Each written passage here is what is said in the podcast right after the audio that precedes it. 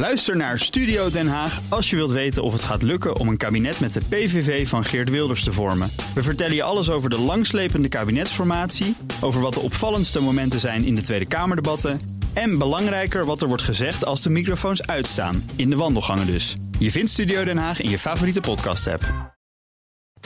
De column van Marianne Zwagerman. Laten we dit frisse jaar eens beginnen met verrassend en heugelijk nieuws. Het is 2017 en Vrij Nederland bestaat nog. Het blad, zelf noemen de redacteuren het nog hardnekkig de krant, komt voortaan nog maar één keer per maand uit in plaats van elke week, maar ze leven nog. Met een jonge frisse hoofdredacteur aan het bewind die jongere lezers moet binnenhengelen bij het journalistieke monument.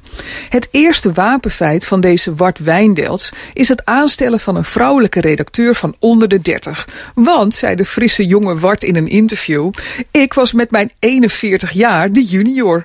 De redactie van Vrij Nederland bestaat uit louter mannen van zekere leeftijd. Ja, in de mediawereld kunnen wij veertigers ons nog lekker jong voelen.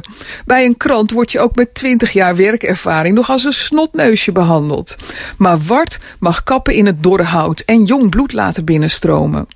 Eerder deed Paul Jansen dat ook al bij de Telegraaf, toen hij de wandelstok overnam van Jules Paradijs. Hij ontsloeg bijvoorbeeld een oudere heer die al jaren de krant vol zeverde met huishoudtips. hij plukte de 29-jarige Lise Witteman van een omroepredactievloer en stuurde haar naar het Binnenhof om de democratie te bewaken. Ze twitterde laatst vrolijk filmpjes vanaf het congres van de politieke partij 50PLUS, waar de duifgrijze volkszanger Ben Kramer de aanwezige bejaarden opzweepte met het nummer Blijf van mijn poen af. Deze week interviewde ze Henk Krol.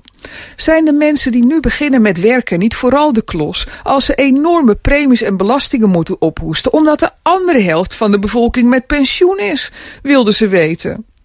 Blijf van mijn poen af had nog niet zo lang geleden een kop op de voorpagina van de Telegraaf kunnen zijn. Maar nu kefte de jonge, frisse verslaggever tegen Krol.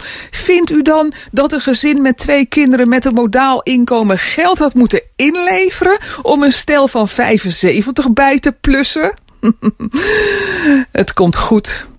Het komt allemaal goed met de journalistiek. Ik weet het zeker. Oh, en die man van de huishoudtips staat nu bij 50 plus op de lijst.